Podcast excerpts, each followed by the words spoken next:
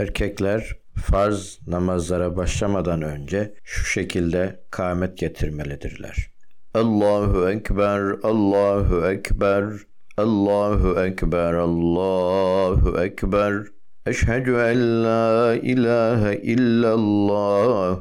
Eşhedü en la ilahe illallah. Eşhedü enne Muhammeden Resulullah. Eşhedü enne Muhammeden Resulullah. حي على الصلاة حي على الصلاة. حي على الفلاح حي على الفلاح. قد قامت الصلاة قد قامت الصلاة. الله أكبر الله أكبر.